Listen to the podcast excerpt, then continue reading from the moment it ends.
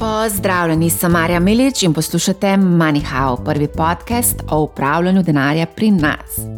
Lep pozdrav iz Zagreba. Ne bi preveč dolgovezila z uvodom, predlagam, da gremo kar takoj na vsebino današnjega MoneyHow. Malce sem sicer oklevala za današnjo temo, a sem se vseeno odločila, da. Zagrizem v to kislo jabolko. Številna podjetja, tudi iz finančne panoge, poskušajo prodajati proizvode, storitve preko vplivnežev. Na to temo sem nedavno predavala tudi na dogodku Marketing magazina in se mi je zdela zanimiva tema tudi za MoneyHow.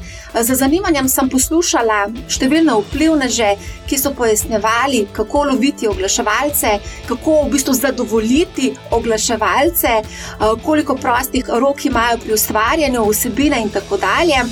Nismo pa toliko slišali o vseh pasteh, ki prežijo na vplivneže in pa posledično tudi na njihove sledilce. Zadnje dva meseca lahko tudi spremljamo eno zelo zanimivo zgodbo, o kateri so precej podrobno pisali na sejol.net.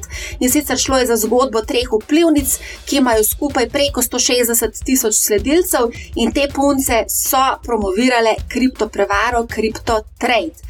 Zdaj se izgovarjajo, da so bile tudi same žrtve tega prevaranta oziroma teh prevarantov. Eh, to smo videli že večkrat v preteklosti. V Sloveniji imamo namreč kar res pester nabor znanih slovencev, ki so promovirali različne prevare. Eh, prevaranti so tudi postali zelo prefrigani. Eh, veliko stvari se je dogajalo tudi v zadnjem času v tujini.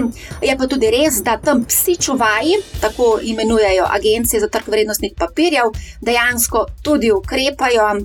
Pri nas je zgodba malce drugačna. O vplivnežih, o prodaji produktov. Preko njih se bom pogovarjala, mislim, da z enim največjim strokovnjakom za marketing pri nas, avtorjem bestsellerjev, odličnim predavateljem, mislim, da tudi človekom brez lake na jeziku, Aljošo Pagolo. Lepo zdrav. Zdravo. Zdravo, zdravo. Kako si? Odlično, hvala. Ti? Kar zelo zanimivo, moram priznati. Um, veliko stvari se dogaja. Lepo. V svetu financ se skozi nekaj dogaja. Tako, dinamika je potrebna. Ne? Denar Dinam... ne sme počivati, pravijo. Ne? Denar ne sme počivati, ne počivajo pa niti prevaranti, ki dejansko so vse pa vsod. In prevaranti so postali zelo prefrigani. V bistvu so oblečeni v neke legalne produkte. Videli smo zgodbo z FTX-om. To je en tak zelo lep primer, kako v bistvu z denarjem lahko narediš zelo veliko in celo prepričaš marsikoga, da je vse v redu, pa potem ni bilo vse v redu. A se strinjaš s tem? Zagotovo. Ljudje smo bitja, ki si radi domišljamo, da smo zelo zdravorazumski, da znamo presojati z varne distance da uh, zmoremo nadzorovati, zagotavljati in tudi uh, garantirati. Že v marketinški teoriji velja, da ljudje uh, 95 odstotkov odločitev sprejemamo pravzaprav uh, nezavedno. Ne? In tako so dejanski driveri, uh, tisto, kar tiči za našim odločanjem, uh, v neki kopreni uh, stvari, vplivov, vzorcev, načinov, ki jih pravzaprav ne razumemo, oziroma z njimi nimamo zavestnega uh, stika. In tako smo pravzaprav um, tudi bitje, ki se zelo hitro ujamemo na razno razne limanice, in če so te povezane z denarjem, to velja še uh, toliko uh, bolj. Slavio Žižek pravi, da je denar abstrakcija v akciji, ne? in pravzaprav uh, je tu v tej akciji vpletenih uh, zelo, zelo veliko faktorjev, uh, zelo veliko uh, stvari, ki jih pravzaprav težko vem, razumemo, tudi če smo strokovnjaki vem, za. Finance, za makroekonomijo, za gospodarstvo. Pravzaprav ni človek, človeka, ki bi znal uh, to področje v celoti obvladati. Ne? In tako je to neke vrste dinamika, ki uh, je po eni strani zelo privlačna, ne? denar je seveda uh, zelo pomembna stvar v življenju uh, marsikoga. In znotraj takega področja, kjer imamo seveda veliko te organske privlačnosti, veliko motivacije, veliko interesa, se dobro znajdejo tudi razno razni prevaranti. Zdaj, mislim, da FTX pa Sam Bankman uh, niso načrtovali pravzaprav.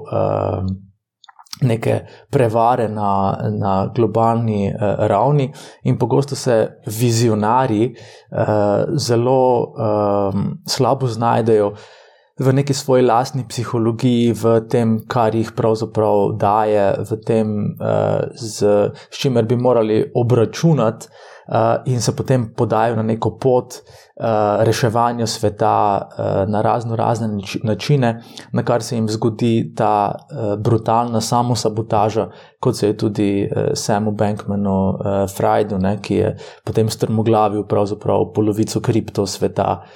Na raven in na način, predvsem, ne, ki je pa zelo, zelo, uh, ja, motivirajoč za marsikoga, ki se pa prevare, kot si dobro povedala, ne, eh, loti prefrigano, eh, loti mogoče na manjši ravni, zna to zapakirati v eh, nek produkt ali pa neko legitimno operacijo na trgu, in potem smo priča potem temu domino efektu, ki se s pomočjo sodobnih medijev, recimo tega družbeno-medijskega okolja, ki služi kot katalizator za povečevanje dosega vpliva načina razmišljanja in obnašanja ljudi, eh, sprevrže v uh, marsikatero, ne vem, tragično zgodbo. No.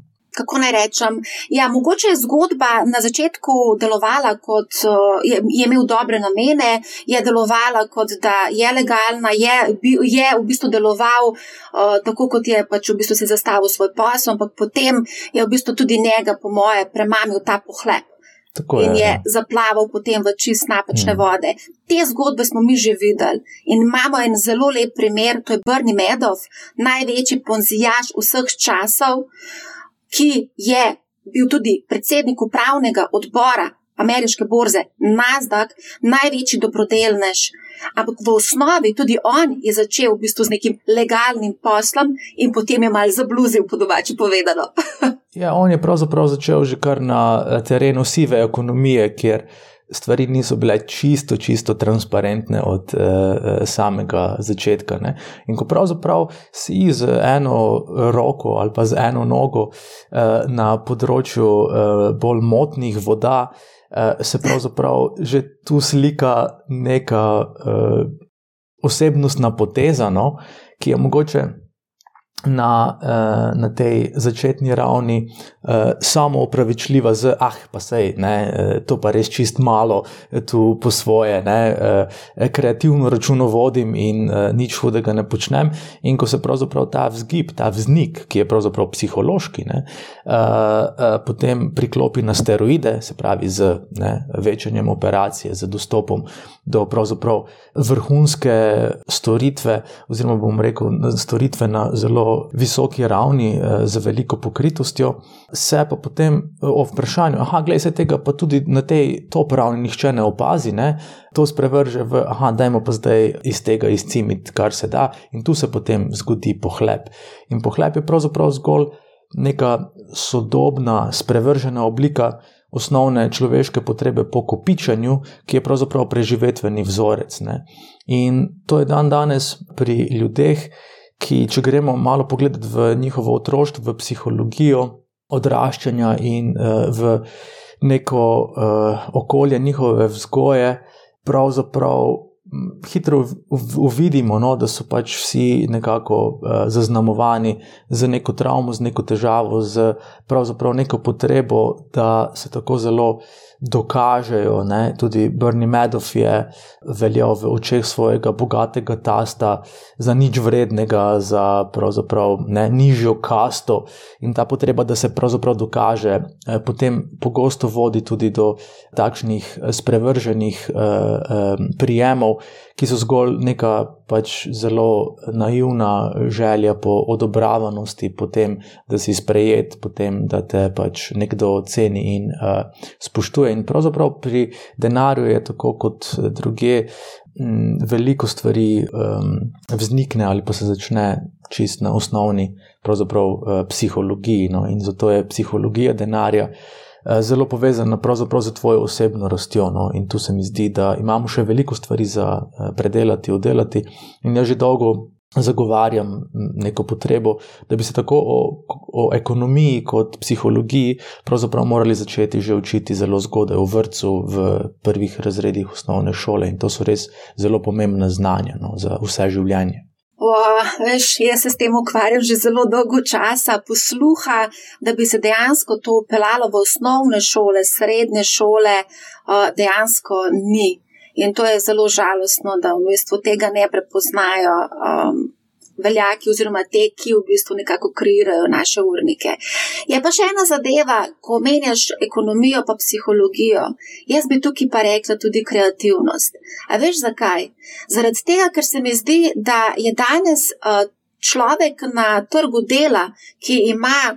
Uh, Diverzificirane znanja in pa veščine, veliko več vreden kot pa nekdo, ki je specialist samo za eno področje. Ja, mm, zagotovo je eh, vem, evolucija dela eh, privedla do pač situacije, kjer smo dan danes. Uh, pravzaprav biti ali pa posamezniki, ki v sebi nosimo ogromno znanja, ogromno sposobnosti in smo tudi osvobojeni uh, neke prisile, da se v življenju uh, pravzaprav zabarikadiramo ali pa zacementiramo ali pa zelo zgodaj odločimo za en poklic in ga potem upravljamo do konca življenja. Ne?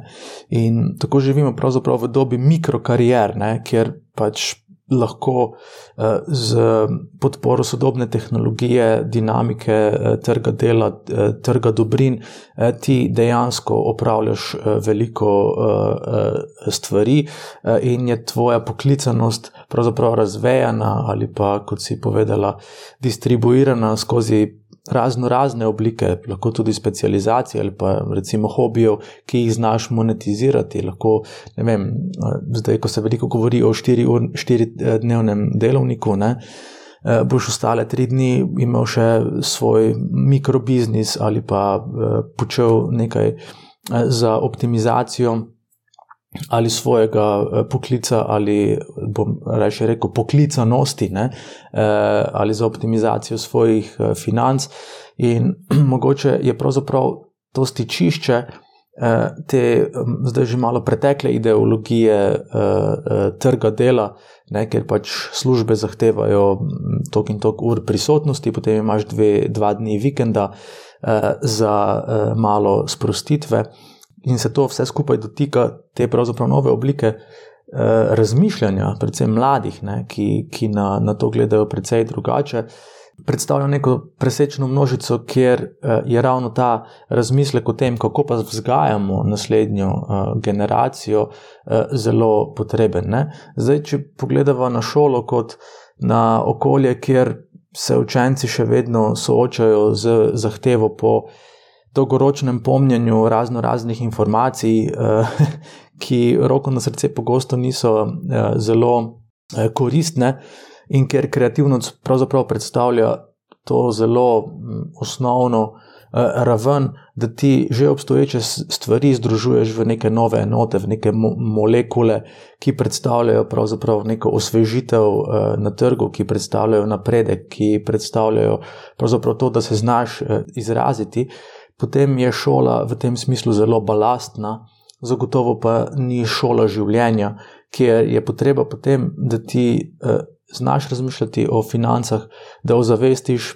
tudi te pretekle tlačanske vzorce, ki nas pestijo in ki nas odvračajo od tega, da bi o denarju razmišljali drugače od eh, tega, da dobimo plačo in čez to godrnjamo in si čez pet let eh, drznemo zbrati dovolj poguma, da prosimo za povišico eh, in tako dalje. Eh, da potem lahko hitro malo tako uh, um, operiš prst v to, kar si rekla. Kreatorja naših urnikov in pravzaprav posledično življenj, se pogosto kdo noče, da bi ljudje živeli osvobojeno od nekih pritiskov. Ker če pravzaprav ti nisi uh, talec Eh, denarja ali pa pravzaprav pritoka denarja eh, v tvoj finančni sistem, kjer pač moraš ne, eh, ne nekno skrbeti in razmišljati, ali bom zmogel, ali bo to šlo skozi, ali si lahko dovolim, ali si lahko drznem, potem pravzaprav nisi. Tako uh, uh, vodljiv, nisi pravzaprav uh, tisti, ki, uh, nad katerimi ima lahko kdo absolutno moč, in tako dalje. Ne. Zato pravzaprav vse so uh, ti neki globalni zadržki, pred tem, da bi se ljudje finančno eh, osvobodili, eh, tako veliki. Ampak pravim, dobra stran eh, sodobnih tehnologij pa je, da se pa tudi kakovostna znanja dobro širi. In imaš veliko, ne vem, kot si tudi sama, finančnih strokovnjakov, ki ljudi opogumljajo, da o denarju drugače razmišljamo, da nismo več zgolj njegov talec, ampak si dejansko bolj krojimo tudi to finančno svobodo. In to se mi zdi pravzaprav zelo dober uh, del uh, te, tega zdravega pogovora, tega zdravega diskurza, ker pa smo seveda spet uh, zgolj še za konec te ideje omejeni z tem enoumjem glede denarja, ker pač ljudje v veliki meri želijo posnemati neke vplivneže, ki pač razkazujejo svoje drage ure, svoje drage avto, svoje drage hiše in razmišljajo o denarju kot o cilju. Ne? In idealno tipsko v življenju je, seveda, da presežeš stopnje, kjer je denar nuja, to je preživetveno stanje, stopnjo, kjer je tvoj denar cilj, ker pravzaprav tu pol razmišlja samo o, de, o denarju, ki ni pravzaprav posledica eh, tega tvojega talenta in uresničevanja. In zadnja stopnja je, kot sem omenil, denar, ki je posledica. Se pravi, ti pravzaprav uh, živiš tako da uresničuješ svoje talente, da si tu za to, za kar si pravzaprav poklican, ne? za kar uh, si tu, da ta svet oplemenitiš in mu daš svoje darove, in denar vedno pride kot posledica. Zdaj, ko pa pride, je pa dobro imeti finančne znanja, finančne sposobnosti, mehanizme uh, delovanja na trgu, ki ti pravzaprav omogočajo, da to nekako oplemenitiš, da živiš dobro, uh, izpolnjeno življenje, kjer si pravzaprav ne učitaš uh, vsakega evra, ki si ga po užitkarju ali pa ki si ga namenil tako in drugače. To si zdaj odlično uh, povedal. Uh, kar se pa tiče te neodvisnosti in svobode, um, pa če se vrnemo nazaj na oglaševanje, pa na vplivneže, koliko pa je recimo vplivnež neodvisen in svoboden, ko ga najame neko, neko podjetje za predstavitev nekega produkta?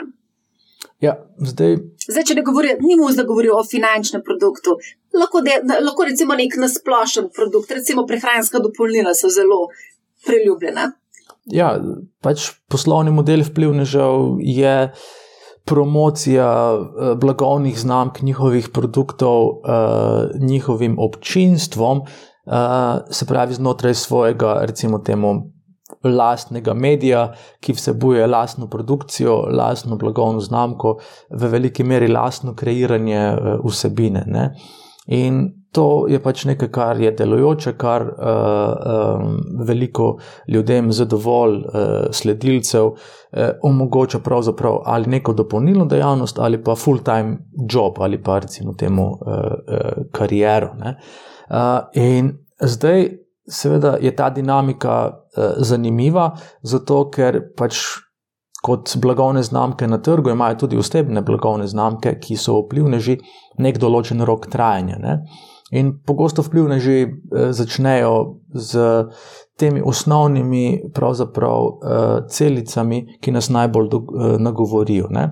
Ljudje smo po preživetveni funkciji zelo nagnjeni k razmišljanju in o skrbeh o tem, ali smo varni, torej ali imamo vem, eh, streho nad glavo, varno okolje, eh, potem ali smo dovolj privlačni za razmnoževanje in ali imamo dovolj hrane. Ne? Se pravi, to je nekako osnovno v nas, noter, da nas mora skrbeti.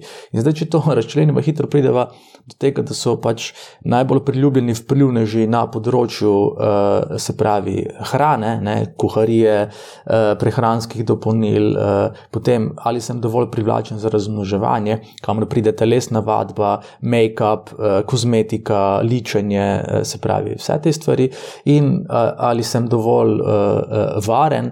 Uh, in tu imamo, seveda, uh, nekaj, kar spadajo hiše, uh, gradnja, avti, denar. Ne? To je pravzaprav uh, tak uh, sklop, ki nas najbolj nagovori. Ne? In zato je tu tako na televizijah največ resničnostnih oddaj, kjer kuhajo, kjer se uh, poskušajo poparčkati, torej se razmnoževati. Uh, in uh, uh, zelo radi gledamo, seveda, informativne oddaje, da izvemo, ali smo dovolj varni. Ne? Se pravi, kako hude so novice v svetu, ki nas pravzaprav nenehno uh, uh, ogroža.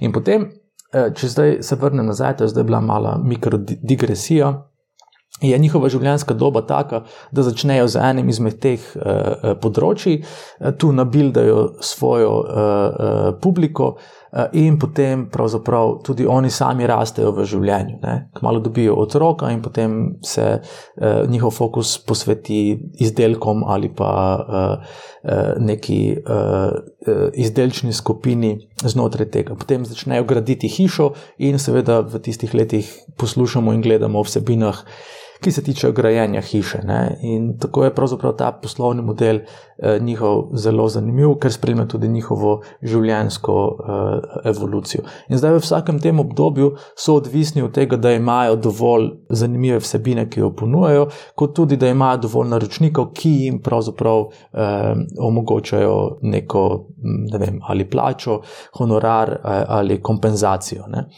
In zato v skrbi, ali se bo to išlo ne, v vseh teh fazah. Pogosto kdo sprejme uh, stvari, mogoče v dobri veri, mogoče zato, ker vsej tej, uh, na vsej tej poti še ni bil uh, izigran, razočaran ali uh, se ni še uh, osmolil ne, z kakšnim sodelovanjem in pač to spromovirajo, brez da bi naredili background check, brez da bi stvari ali sploh pogooglali ali pa se v njih uh, poglobili, in potem se pravzaprav zgodi kakšna taka stvar. Jaz dvomim, da nekdo, ki je uspešen vplivnež, želi zavestno kompromitirati ali sabotirati svojo poslovno eh, pot z tem, da bi načrtno tržil eh, prevaro. No. Ampak v ihti, v tudi v pritisku, ker morajo ustvarjati vsebino, ki je zanimiva, ker morajo to narediti hitro, ker pravzaprav mi vidimo samo ta, ne vem, končni, minutni ali pa uh, uprizoritveni del v to gre ogromno število ur dela in uh, tako dalje, zato tu pravzaprav ne naredijo teh uh, osnovnih higijenskih uh, korakov. Zdaj pa vprašanje je. Ti, ko komuniciraš s svojo publiko, moraš prevzeti tudi odgovornost. Torej, vse, kar pride, ti si zbildal, zgradil komunity, skupnost, na podlagi nekih dejanj, nekih besed, neke aktivnosti, in konec koncev moraš biti tudi tolk, da v bistvu prevzameš odgovornost in poveš, pač ja, naredili smo napako. Zdaj pa tako, jaz sem ugotovila, da te punce se zdaj kesajo, da so bile tudi same žrtve prevare.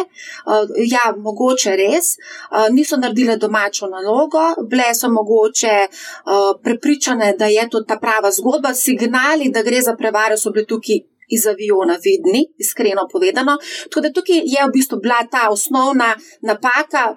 Niso naredili domačo nalogo, hkrati pa tudi niso finančno uh, pismene, po mojem mnenju. Zanimiv je pa drug primer, ko sem se pogovarjala z Denisom Audičem. On mi je na nekem dogodku, ki sem ga organizirala, povedal, da so ga tudi njega kontaktirali številni ponudniki različnih produktov in tudi legalnih produktov finančnih, in on ga je odpikal, čež da to je zagotovo prevara. Se pravi, tudi ne prepoznajo, kdaj gre za zares ta prav produkt, ki ni prevara. Mava dva aspekta zdaj, se pravi, mlade punce, ki v bistvu so finančno nepismene in so v bistvu se ujele v neke laži, v neko prevaro, na drugi strani imamo pa enega uspešnega influencerja tudi, ki pa hkrati ni bil sposoben prepoznati recimo priložnosti uh, za sodelovanje z enim zelo uspešnim uh, neobrokarjem iz tujine. Uh mhm. Zdaj dvomim, da je Denis v celoti podlegel uh, pravzaprav ne vem kakšnemu uh, svojemu hitremu razmisleku, ah, to je zihar vse uh, prevar ali bolj neki uh, domnevi, kot je pravzaprav prevzemanje uh, tudi neke posredne finančne odgovornosti za tvojo publiko, uh, precej naporna naloga. Uh, Ljudje smo eh, nagnjeni k rutiniziranju svojih dejanj, se pravi, spet smo pri preživetenih vzorcih, ker nam narava diktira, da svojo energijo v čim večji meri obdržimo, je ne pršimo naokoli za razno razne stvari, in zato so nastali tudi trendi ker za trendi ljudje pravzaprav dobijo navodila, kako ravnati, brez da bi eh, morali o tem preveč razmišljati, kar jim omogoča, da pripadajo, da so del plemena, skupnosti, digitalnega plemena, eh, kar koli že. In zato pravzaprav tudi zelo posnemamo ravnanja drugih, se pravi, vplivnežev, pomembnežev, eh, recimo teh alfa, alfa predstavnikov plemena. In zdaj, seveda, na vplivneže pade veliko bremena, če imajo posredno občutek, da jaz sem pa zdaj v bistvu tudi neko, ne vem, eh, ležit finančno eh, eh, operacijo ali pa priložnost ljudem skomuniciral, kaj pa če bodo v to vložili, ne vem, vse svoje prihranke, bodo zaletavi, tako kot je marsikdo bil pri bitcoinih in so s tem neposredno strmoglavili svoje osebne finance v, v bankrot, ogrozili varnost svojih eh, družin in eh, zelo podobno. Ne. Tako da moramo tudi mogoče ta psihološki aspekt odgovornega influencerja upoštevati, eh, ker lahko on čisto osebno razmisli, veš kaj. Mogoče se pa s tem ne bom uh, uh, ukvarjal. Ne? Ampak, če gremo zdaj stran od tega, pa hitro pridemo do nekih naših notranjih uh, ovirajočih vzorcev, ko uh, govorimo o denarju. Ne? Meni je Eh, moja psihoterapeutka takrat v izgorelosti lepo povedala, ne, da še posebej v eh, Sloveniji z denarjem kompenziramo za ljubezen, ki je nismo dobili, in zato so zapuščinske razprave pri nas ne, vedno eh, kaos, oziroma priložnost, da slovenske novice dobijo največ naslovnic o tem, kdo je koga sekiral eh, in eh, podobno. Ne. Ja, tako je. Ne. In v bistvu nam, ne, tudi če gledamo kakšne zanimive kriminalke in tako dalje. Uh, ti scenariji, kjer, uh, so, uh, so, uh, kjer so umori motivirani z denarjem, z dedovanjem in uh, pravzaprav podobno, uh, izpričajo to dejstvo, no, da smo ujetniki nekih pravzaprav nezdravih uh, odnosov uh, z denarjem, z financami, in vse se pogosto zvede na našo osnovno uh, vrednost. Ne. Jaz na predavanjih pogosto izpostavim dejstvo, da je zgolj pred 150 leti 93 odstotkov slovencev bilo tlačanov in da je fosilni psihološki ostanek eh, tega eh, obdobja eh, pravzaprav naš občutek nizke lastne vrednosti in nezmožnost zdravega in pravočasnega postavljanja meja. In seveda, če ti pravzaprav o sebi razmišljaš ali pa imaš nezavedno utrjeno prepričanje, da itak ne moreš uspeti, da ti itak uh, ne more rati, da itak ne moreš delati tega, kar si želel, ker so ti uh, službo predpisali starši ali so te pa vpisali v šole, uh, kjer si uh, moral ubogati in slediti njihovim uh, uh, navodilom, potem seveda. Ni mogoče, da bi ta tvoj nevidni scenarij v uh, materialnem življenju ali pa v tem Newtonovskem uh, svetu Eh, postregel z dokazi, da si res uspešen, da si res bogat. Mogoče v bistvu zaradi te praznine ali pa bolečine nekateri to kompenzirajo tako, da postanejo brutalno uspešni, da so deloholiki, da so dejansko uh, zelo bogati, ampak so v sebi popolnoma nesrečni. Ne? Tudi ta scenarij je uh, pogosto uh, uh, prisoten. Ne? In potem, ko pravzaprav delujemo po nevidnem scenariju, ki nam ne dovoljuje, da bi bogateli, oziroma da bi živeli v nekem izobilju, eh, ki je posledica tega, da počnemo to, kar, za kar smo tu, da si prizadevamo uh, uresničiti uh, svoj talent, temu rečemo svoje sanje. Uh, in uh, da uh, živimo neko življenje, ki ni pravzaprav nenehno ujeto v to, da smo na preži eh, ali bomo preživeli, da v bistvu eh, se zaganjamo zato, ker nočemo imeti upravka samimi sabo in tako dalje in tako naprej. Vse to skupaj predstavlja pravzaprav eh, nek zelo prepleten, zelo težek odnos z uh, uh, denarjem, ki izhaja iz tega neizpraševanja o tem, kdo sem, zakaj sem tu, uh, zakaj mi vsi drugi določajo, kaj sem, koliko moram imeti. In iz tega naslova pogosto pride tudi še en tak slovenski refleks, da nas je uspeha sram, da se za njo upravičujemo. Tudi ljudje, ki so vem, premožni, ki so, ki so bogati. Eh, želijo pogosto to skriti, zato da ne bi bili obsojeni. Ne? Recimo v Ameriki je to precej eh, drugače, ne? ta odnos do pravzaprav nekega uh, uh, uspeha. In tako je denar pri nas. Uh, uh, obkrožen z veliko negativnimi faktorji, veliko negativne uh, percepcije in predvsem to opravičevanje, da si uspešen, uh, se mi zdi nekaj, kar uh, uh, moramo preseči. Pred kratkim sem govoril z enim zelo uspešnim, mednarodno uh, uspešnim uh, posameznikom, ne bom povedal, z katerega uh, področja, uh, ki pravzaprav lahko svoje dosežke zdaj zelo kapitalizira, zelo monetizira ampak ga je bilo strah, kaj si bodo ljudje mislili, kaj pa če storim napako. Ne? In pravzaprav se mi zdi, da moramo priti do točke, kjer nekoga, ki si prizadeva biti uspešen, ki je, ima finančne in materialne dokaze, ki so posledica njegovega prizadevanja, in predvsem, da zna tudi v tem uživati, da zna pač zdravo vračati v, v, v družbo, da je to pač neke vrste naš vzornik, da je tisti, po katerem se ravnamo, ne pa da ga gremo spodkopavati, pa blatiti, pa eh, svinjati eh, njegovo eh, osebnost ali osebno blagovno znamko eh, na forume, na, eh, v komentarjih in eh, tako dalje. Tako da, ko se osvobodimo tega te vkleščenosti v to, da nismo dovolj vredni, šele takrat bomo pravzaprav z denarjem začeli eh, dobro in varno eh, ravnati. Ne? In ne bomo pričakovali, jaz bom pa zdaj obogatel, zato da bom pol eh, končno nekaj vreden. Ja, zelo nekaj zanimivih primerov si izpostavil, če se mogoče, če greva šlo en ekstrem, odrezana roka. Zavarovalnice imajo zelo veliko teh primerov, ker se režejo prsti ravno za namenom, da bi se finančno okoristili. To v takšne ekstreme znamo iti.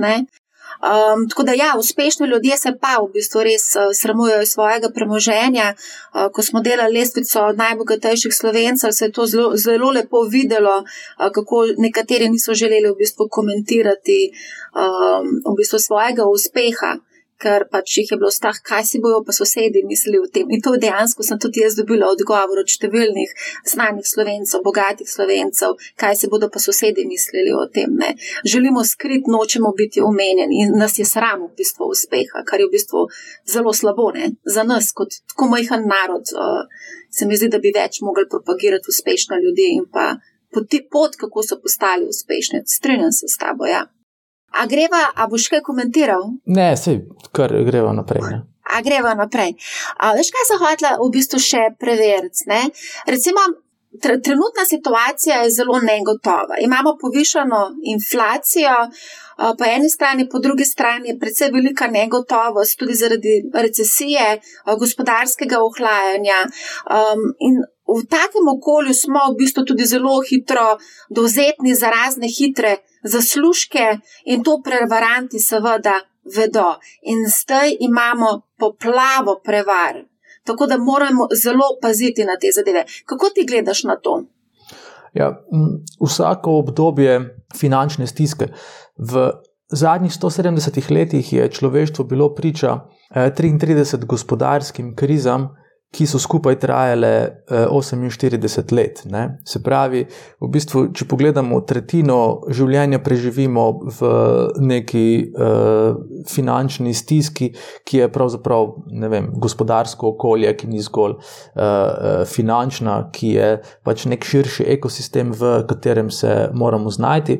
In to uh, pravzaprav tako nagovori naše preživetvene vzorce, da želimo pravzaprav po eni strani ne nekno o tem premlevati, razmišljati, smo obkoljeni z, z temi uh, stvarmi, potem prižgemo televizijo, eh, kjer dobimo zgolj potrditve, ja, da nas res vse to uh, življensko ogroža, in potem ljudje v obupu, uh, v kombinaciji z finančno nepismenostjo, ki je uh, izobraževalni sistem uh, pravzaprav nikakor ne, uh, ne izboljša. uh, počnejo uh, zelo srhljive uh, uh, stvari. Ne? In seveda je najhujše, če to počnejo pač prizadevni, dobri uh, ljudje, uh, ki bi jim že neki začetki finančne pismenosti olajšali to breme uh, skrbi do te mere, da uh, ne bi, pač se ne bi zatekali k tako uh, skrajnim uh, rešitvam. Zdaj ena uh, enota prevarantov, uh, zlohotnosti ljudi pač vedno obstaja, v zgodovini je bila vedno uh, prisotna ta želja po moči, po nebrzdanem kopičenju, v kombinaciji z neko nerazrešeno psihološko funkcijo, pač vodi do marsičesa. Imamo pač posod te prevarante, ki dejansko množično pohabljajo eh, ljudi, zato da lahko ti na ulici iztržijo eh, čim več miloščine. Ne? In to je en tak primer, ki se vleče pravzaprav skozi zgodovino. Potem z možnostjo in z razcvetom tehnologij se je seveda odprlo prevarantom ki stikajo z tehnološko nepismenimi ljudmi. Ne. Spravi, starejša generacija je odraščala v okolju, kjer je vse, kar je imelo vem, novičarski logotip, veljalo za zaupanje vredno. Ne. In zdaj so seveda ti ljudje zelo lahka tarča za lažne novice, za manipulacije, za finančne prevare, zato ker ti dan danes zelo preprosto v nekaj korakih ustvariš Eh, spletno stran, ki ima svoj logotip, ki uh, ima uh, svoje pač neko legitimno um, uh, zbirališče informacij, uh, pokaže ti, da je to ne vem, neko podjetje z naslovom, imenom, sedežem uh, tu in tam. In seveda ljudje, ki so navajeni, da ko so nekdaj odprli časopis in tam bil logotip ali časopisa ali podjetja je zatem uh, seveda stalo nekaj, kar je bilo zaupanja vredno. Ne? In ko z takšnim prepričanjem vstopajo v sodobni svet, eh, seveda to, kar vidijo, eh, eh, pomeni, da aha, ok, odkljukajo, da ja, to je upoštevanja vredno, in potem že v naslednjem trenutku odpirajo denarnice in nakazujejo na neke oddaljene račune, in so tako ob veliko, veliko denarja. To je, to je ta temna stran.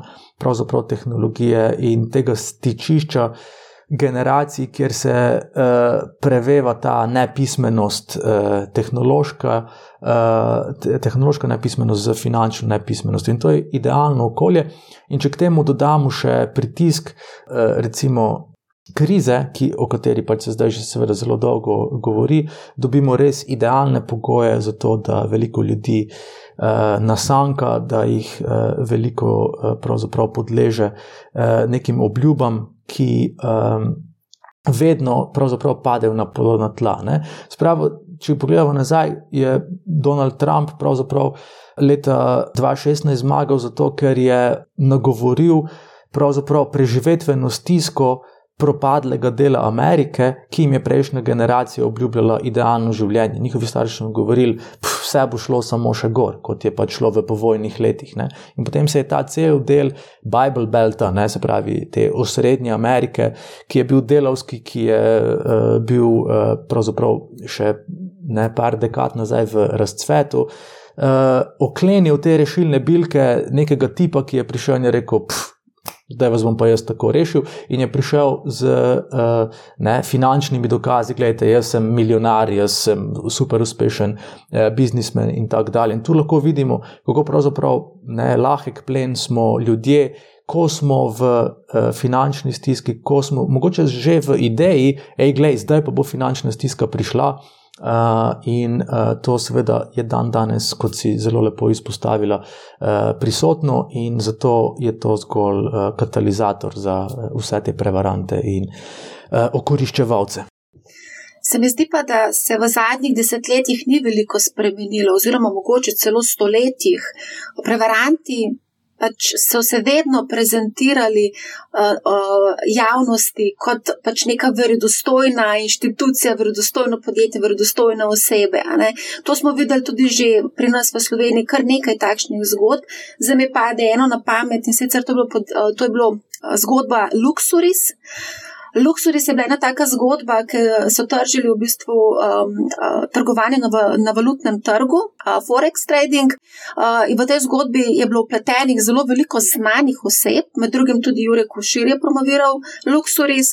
V zgodbi je bil tudi uh, propadli borznik in pa zdaj prerojeni nepremičnina, če lahko tako rečem, Bogdan Pušnik. Tako da tukaj moramo tudi v bistvu paziti, ko v bistvu vidimo neke znane osebe, Giselle Bunchen ali pa Tom Brady. Kennedy, Kim Kardashian je končala na sodišču in se potem tudi pogodila, eh, ko je promovirala neke zgodbe. Ne. Se pravi, moramo v bistvu na vkljub temu, da nekdo prezentira neka znana oseba, nek produkt, se je treba ustaviti pa pomisliti, kaj to sploh je. Narediti domačo nalogo in potem mogoče iti v to zgodbo. Pa mogoče ne samo finančni produkti, konec koncev tudi prehranska do, dopolnila. Mm. A je treba konzumirati toliko teh prehranskih dopolnil, če na drugi strani ti zdravniki govorijo, da je če za dost, če ješ raznovrstno prehrano. ja, spet smo pri psihologiji. Ne? Spet. Spet smo pri psihologiji, vse se tam začne, vse se tam uh, konča. In um, ko v bistvu sebe gledamo zdravo, eh, upoštevajoč vse neke inhibitorje, eh, vse neke ovirajoče faktorje, kako pravzaprav nezavedno hlastamo, potem, da bi bili boljši, lepši, bolj privlačni, bolj pripadali, bolj, da bi bili bolj ljubljeni, odobravani in občudovani, smo pravzaprav pri pripravljeni sebi zlagati se na, na marsikateri način, na marsikateri uh, uh, ravni.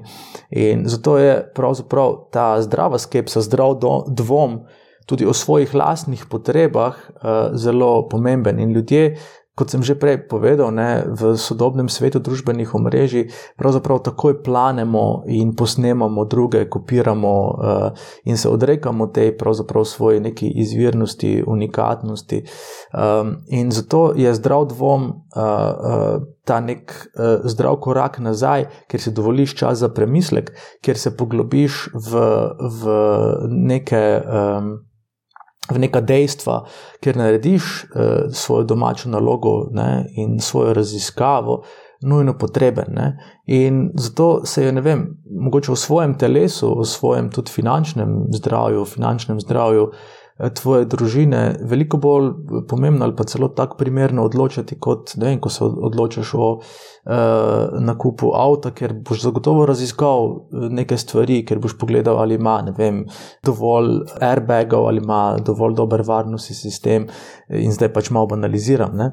Ampak skoraj na vsaki ravni nekih naših odločitev ali naših izbir je ta zauzetost, da misliš za svojo glavo, da znaš pogledati za ta vse celofan, ali, ali je oglaševalski, ali je marketinški, ali je, je vplivniški, kakorkoli že, in stikaš pravzaprav za nekimi zanimivimi drobci, zanimivimi uh, uh, informacijami, ki ti pač morajo služiti. In fora je v tem, da moramo. Znati razmišljati na način, kako lahko življenje služi meni, kako pravzaprav izkoriščam čas, ki mi je dan, in ne izkoriščam ljudi uh, ob tem. Ne? In to je en zelo zahteven, zahteven manever, zato ker zahteva nekaj energije, zahteva nekaj uh, uh, ukvarjanja z rečmi, ki, za katere čas, ki ga porabimo, bi rajši vem, gledali televizijo, uh, jedli uh, sladko hrano, karkoli že nas spet čustveno uh, uh, zamoti in tako dalje. In zato veliko ljudi pravzaprav hlepi po hitrih rešitvah. In hitre rešitve so tudi vplivneži, ki nam rečejo, to moraš narediti. Ne? In potem spet ljudje začutimo uh, razbremenjenost, da okay, temu jaz zaupam, on mi je svetoval to in to bom uh, uh, naredil. Zato je pravzaprav zdrav dvom, tudi pač neka kritičnost do, do nečesa. Koristna za celo dinamiko na trgu, ne? ker s kritičnostjo pravzaprav razmišljamo, da okay, je mogoče mi je pa ta kritika odprla uh, nek drugačen pogled ali pa me motivirala, da se še malo poukvarjam uh, z tem uh, svojim stališčem, z tem svojim pristopanjem. Uh, in tako se mi zdi, da je pravzaprav svet narejen in svet ni nikoli uh, svet uh, hitrih rešitev, ampak vedno nekega posvečenega prizadevanja uh, uh, za, za uspeh. In kot jaz zapišem, ne, je resnično uspešen tisti, ki je uh, prepoten in ne prepotenten. Ne? In uspeh zahteva, pač, da se trudiš, zahteva, da se pravzaprav nečemu uh, odrečeš uh, in da pravzaprav potem, ko nekaj dosežeš, v tem tudi uh, uživaš. In tranzicijska zgodba Slovenije je pravzaprav postregla ravno z tem rokohitrstvom, uh, z temi uh, prizadevanji, da bo vse ne čez noč, da je vse obljubljeno, zato ker smo želeli tako pravzaprav. Uh, Pogotno nadoknaditi to obdobje, ki smo ga v svojih očeh zamudili. Sprej, tako dolgo smo bili v nekem uh, zelo um, zaprtem sistemu, ki je onemogočal pravzaprav neko razpiranje kril ali podjetništva ali uh, nekih dosežkov, da smo tako hlepeli in iskali bližnjice, in potem so seveda tu uh, prosperirali tudi ljudje, ki so uh, pač to delali na način, ki je seveda dišal po prevarah, ki je pogosto v ozadju imel kakšne eh, mehanizme, in tako so se tudi pač ugledni ljudje, ljudje ki so pač eh, imeli ne, res neke eh, dokaze v, v svojih karierah, da so uspešni in tako dalje. Um, tudi uh, v tem navdušenju, v tem osveženem optimizmu, ki se nam je zgodil, pustili prepričati, da so del te zgodbe, da so jo promovirali in tako dalje. Zato je res, po mojem, ta domača naloga, tudi ko se enkrat uh, opečeš uh, nekje, uh, tista, ki je res nekaj, kar bi človek priporočal uh, vsakemu, uh, ko se uh, pogovarjamo o financah, ko se pogovarjamo o svojem zdravju, ko se pravzaprav pogovarjamo o nekem celovitem pogledu na svet. No. To si tako lepo povedal. Uspešen je tisti, ki je prepoten. Ne pa prepotenten. Točno to, prepoten. To pomeni, da je vložil, da je trdo delal, da je investiral svoj čas, da je investiral svojo energijo, da je delo in da je švica. Ampak tu ne smemo spet zaključiti slovensko, ne, da je zdaj pa ja, treba ja, ja. se zgarati uh, za vsako stvar. Ne, da pač ti postaneš strokovnjak, a veš, pač v to vložiš marsikaj, ko imaš mladostno energijo, eh, se ja, raz, eh, skoraj razčetveriš za to svojo strast in, in te to oplaje in ti da izkušnje in znanje, ampak pol, ko si pa mojster, si pa mojster. In pol, recimo, ne vem, top trader vidi stvari in pff, ne, naredi tak. In se mu zgodi dovolj uh, uh, um, investicija se povrne ne, na zadovoljivi ravni. Jaz, ko pač sem bil mojster v uh, oglaševalski uh, službi, ne, sem izmojstren, ne vem, že na sestanku, na briefu za kampanjo, pf, imel stvari v glavi narejene. Ne. In to je potem ta lepota, ko se prepustiš eh, temu, do česar si se prigaral, do česar si se prebil. In recimo eni temu rečejo vem, manifestacije, vizualizacije, karkoli že. Seveda, to eh, je koristno, to je pomembno. In zdi se mi, da so vem, te vizualizacije ali pa eh, manifestacije o denarju pravzaprav drugačne, kot si jih ljudje zamišljajo. Ne? Ker veliko prevarantov imaš tudi na tem duhovnem področju. Ne? Manifestiraj uspeh, manifestiraj denar. Imáš prav na, na Apple, uh, mislim na njihovi uh, iTunes trgovini, imaš uh, manifestacije. Ne? In v bistvu, če greš poslušati manifestacije, jih je 90% o denarju. Ne? Manifestiram izobilje, denar priteka v mojo smer. Ampak, če ti ne boš imel svoje psihološke arhitekture pravzaprav naštimane na to, da imaš dovolj lastne vrednosti, se pravi, da si zaupaš, da delaš svoje izbire, bo tisto navaden larifari. In meni se zdi, da so vizualizacije, kjer se ti predstavljaš vem, na ravni visokega uspeha, na ravni, vem, da živiš v krasni hiši, da vračaš v, v družbo in tako dalje, namenjene temu, da se znebiš tistega strahu, ki ga pri tem začutiš. Ne, to je bilo fully zanimivo, ko sem jaz eh, začel na ta način ali vizualizirati ali razmišljati. Ne. In ko sem si to predstavljal, sem v sebi začutil drevenenje, nek strah v ledvenem delu, ki je pravzaprav izpričeval mojo nezavedno prepričanje, da jaz tega nisem vreden. In v bistvu zato Probajte, ne vem, manifestirati ali vizualizirati na ta način, da pravzaprav občutiš, kje vse te je strah in kako močni so tvoji nezavedni vzorci, da, ki ti onemogočajo, da bi si ti to dovolil, ker ti govorijo, ti nisi dovolj vreden in si tega ne zaslužiš. In če si ti še vedno ujet v tej ideji, da nisi dovolj vreden, lahko manifestiraš celo življenje, pa pravzaprav do tistega ne boš eh, prišel. Zato je prepuščanje toku, zato je odgovorno eh, izobraževanje na pomembnih področjih življenja, kjer je finančno eno izmed prvih treh, pravzaprav. Ne, eh, tisto, uh, kjer se moramo malo prepotiti, tisto, kjer moramo pravzaprav uh, obravnavati z fokusom, z požrtvovalnostjo, z disciplino. In tako pridemo do te zdrave prepotenosti in po, do neprepotentnosti. Ja, mladi, s katerimi se jaz srečavam, si vizualizirajo. Marsikaj v smislu kašnih Lamborghinijev, ja, Rolexov. Ma ne, Rolex nisem zaznal. To, to zdaj že imajo. Oni zdaj že prvo, kar naredijo, si Rolex, šparajo za Rolexa. Eh, Prvo pa imaš kombinacijo HM, pa Rolex in vizualizacijo ja. Lamborghini. Ja. Tako da, ja, tako se mladi zdaj predstavljajo. Tudi to, kar si omenil na začetku, da gledajo neke influencerje, ki v bistvu razkazujejo svoje premoženje in so nekako zavedeni uh, in tudi sami hlastajajo potem, potem, da bi to ja. nekoč imeli. Ne? Mhm. In naredijo vrsto napak v procesu osvajanja tega cilja. Ne? Ampak, le, to je vse learning process. Tudi mi smo naredili ogromno napak. Pomembno pa je na koncu, kaj od tega imamo, kaj smo se od tega naučili, kako lahko to uporabimo potem naprej. Se strinjaš? Absolutno. Jaz mislim, da je um, prizadevati si biti kopija. Neke vrste kopije, ki ga zalučaš v svojo originalnost. In to mi je pravzaprav največja bolečina eh, sodobnega influencerstva, ki ni zdravo. Zato, ker tudi ljudje, ki do uspeha pridejo po težki poti, ne, potem to uprizarjajo eh, na, na družbenih omrežjih, eh, in ljudje se pravzaprav poistovetijo z temi posledicami eh, uspeha. In to so, kot sem že povedal na začetku, ne, materialne dobrine, materialne stvari. In v bistvu veliko uspešnih ljudi je sledilo pravzaprav svojemu talentu, svoji tej neki potrebi, da se v življenju dokažejo, da ne vem, pokažejo svoje darove, s katerimi vsak izmed nas pride eh, na svet. In to, kar je pač prišlo kot posledica, je edini navdih za vse ostale. In tu se mi zdi ta uh, velika težava. In zdaj, če mladi, seveda, pač popolnoma legitimno stremijo k, k temu, uh, da bi jim uh, uspelo, in pri tem pravočasno ugotovijo, da da to ni to. Ne?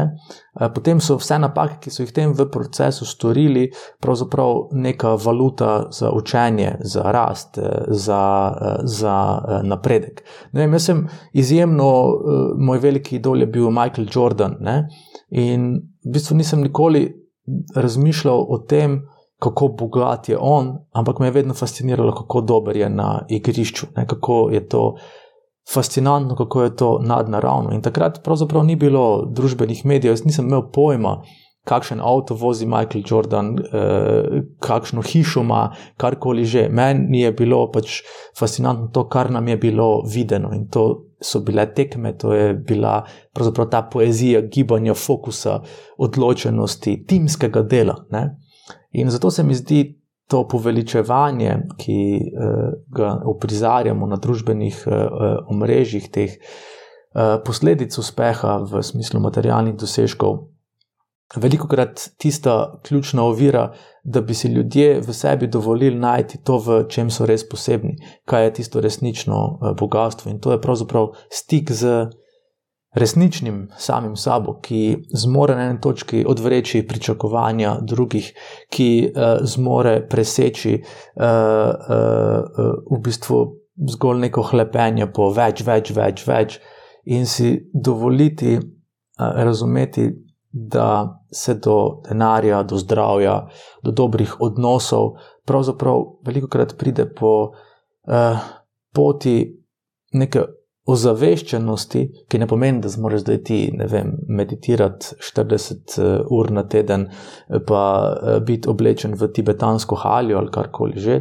ampak da si dovoliš pravzaprav biti a, ja, tako zelo banalno fenomen to, kar si. In ko to malo začutiš in ko to malo veš, se v bistvu odnosi okoli tebe zelo hitro spremenijo v neposredne dokaze tega. Ne? In se pravi, ti si sproščen, imaš okoli sebe fajn ljudi, imaš uh, v bistvu neko motivacijo za življenje, ki ni nenehno obremenjeno z tem. Uh, ali sem v tem trenutku opeharjen. Zakaj? Ker ljudje pravzaprav ne znamo živeti v danem trenutku, ker nas v vsakem danem trenutku pesti obveza, eh, da moramo doseči še to, to, to, to, to in to. In vsakič, ko odpremo Instagram ali karkoli že, je eh, število teh obveznosti veliko večje. Dosežemo to in že vidimo nekoga, ki nas je presegel, in že smo spet nesrečni, ker tega še nimamo. In tako je pravzaprav to življenje, ne, zgolj nek vmesni čas med cilji, dosežki, ki imajo zelo kratek rok trajanja in to nas v seštevku pravzaprav dela uh, nesrečne. Zato je cilje treba dosegati, vem, dolgoročno, lahkotno, si jih zadajati, pravzaprav za neko mero izvedljivosti, kot jaz tudi pravim, z veliko mero fleksibilnosti. Ne? Ker ljudje danes mislimo, da Eh, če nam nekaj ne gre kot po maslu, mi gre vse po zlu. Ne? Se pravi, če se mi ne izide po načrtih, eh, sem pogrnil na celi črti.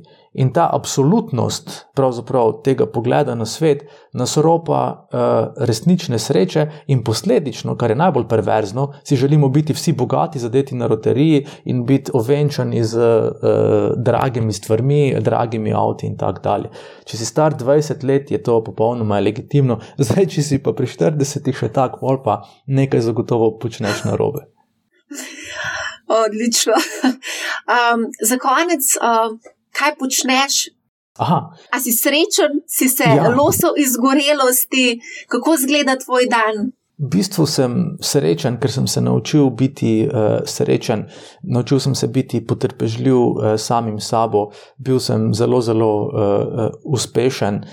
Zelo čislan, uh, zelo odvisen od uh, števila projektov. Se pravi, tak, uh, ta Michael Jordan v meni je zelo dolgo deloval, pogosto tudi na nezdrav način, zdaj pa seveda ravnam precej drugače. In ta v bistvu strah pred spremembami, ki, ki nas daje, o moj bog, kaj se bo zgodilo, če bom zapustil uh, vrhunsko oglaševalsko uh, kariero uh, in se začel ukvarjati z pisanjem in z predavateljstvom.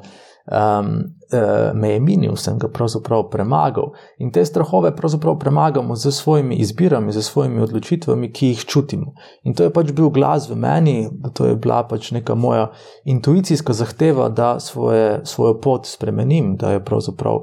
Eh, podvržem eh, nekim zahtevam življenja, ki sem jih čutil kot eh, da so moje, da je to moja pot, da mi je pisana na, na kožo. In tako zjutraj vstanem, pišem, sprehajam psa, skuham kosilo, še predtem naredim jogo.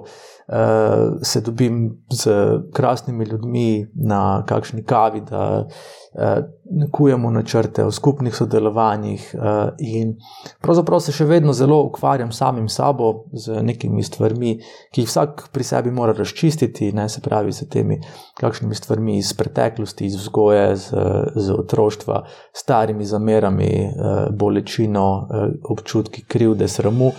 In to je pravzaprav neka taka dnevna uh, uh, obveznost ki se je pač lotiš tako, da si rečeš, ok, to ne pogojuje mojega življenja in me zato delam nesrečnega, ampak vsakič eno stvar malo razvozlam, razrešim in polje noro videti, kako se to. Pff, zmanifestira v tvojem resničnem uh, življenju, v tvojih odnosih in uh, tako dalje.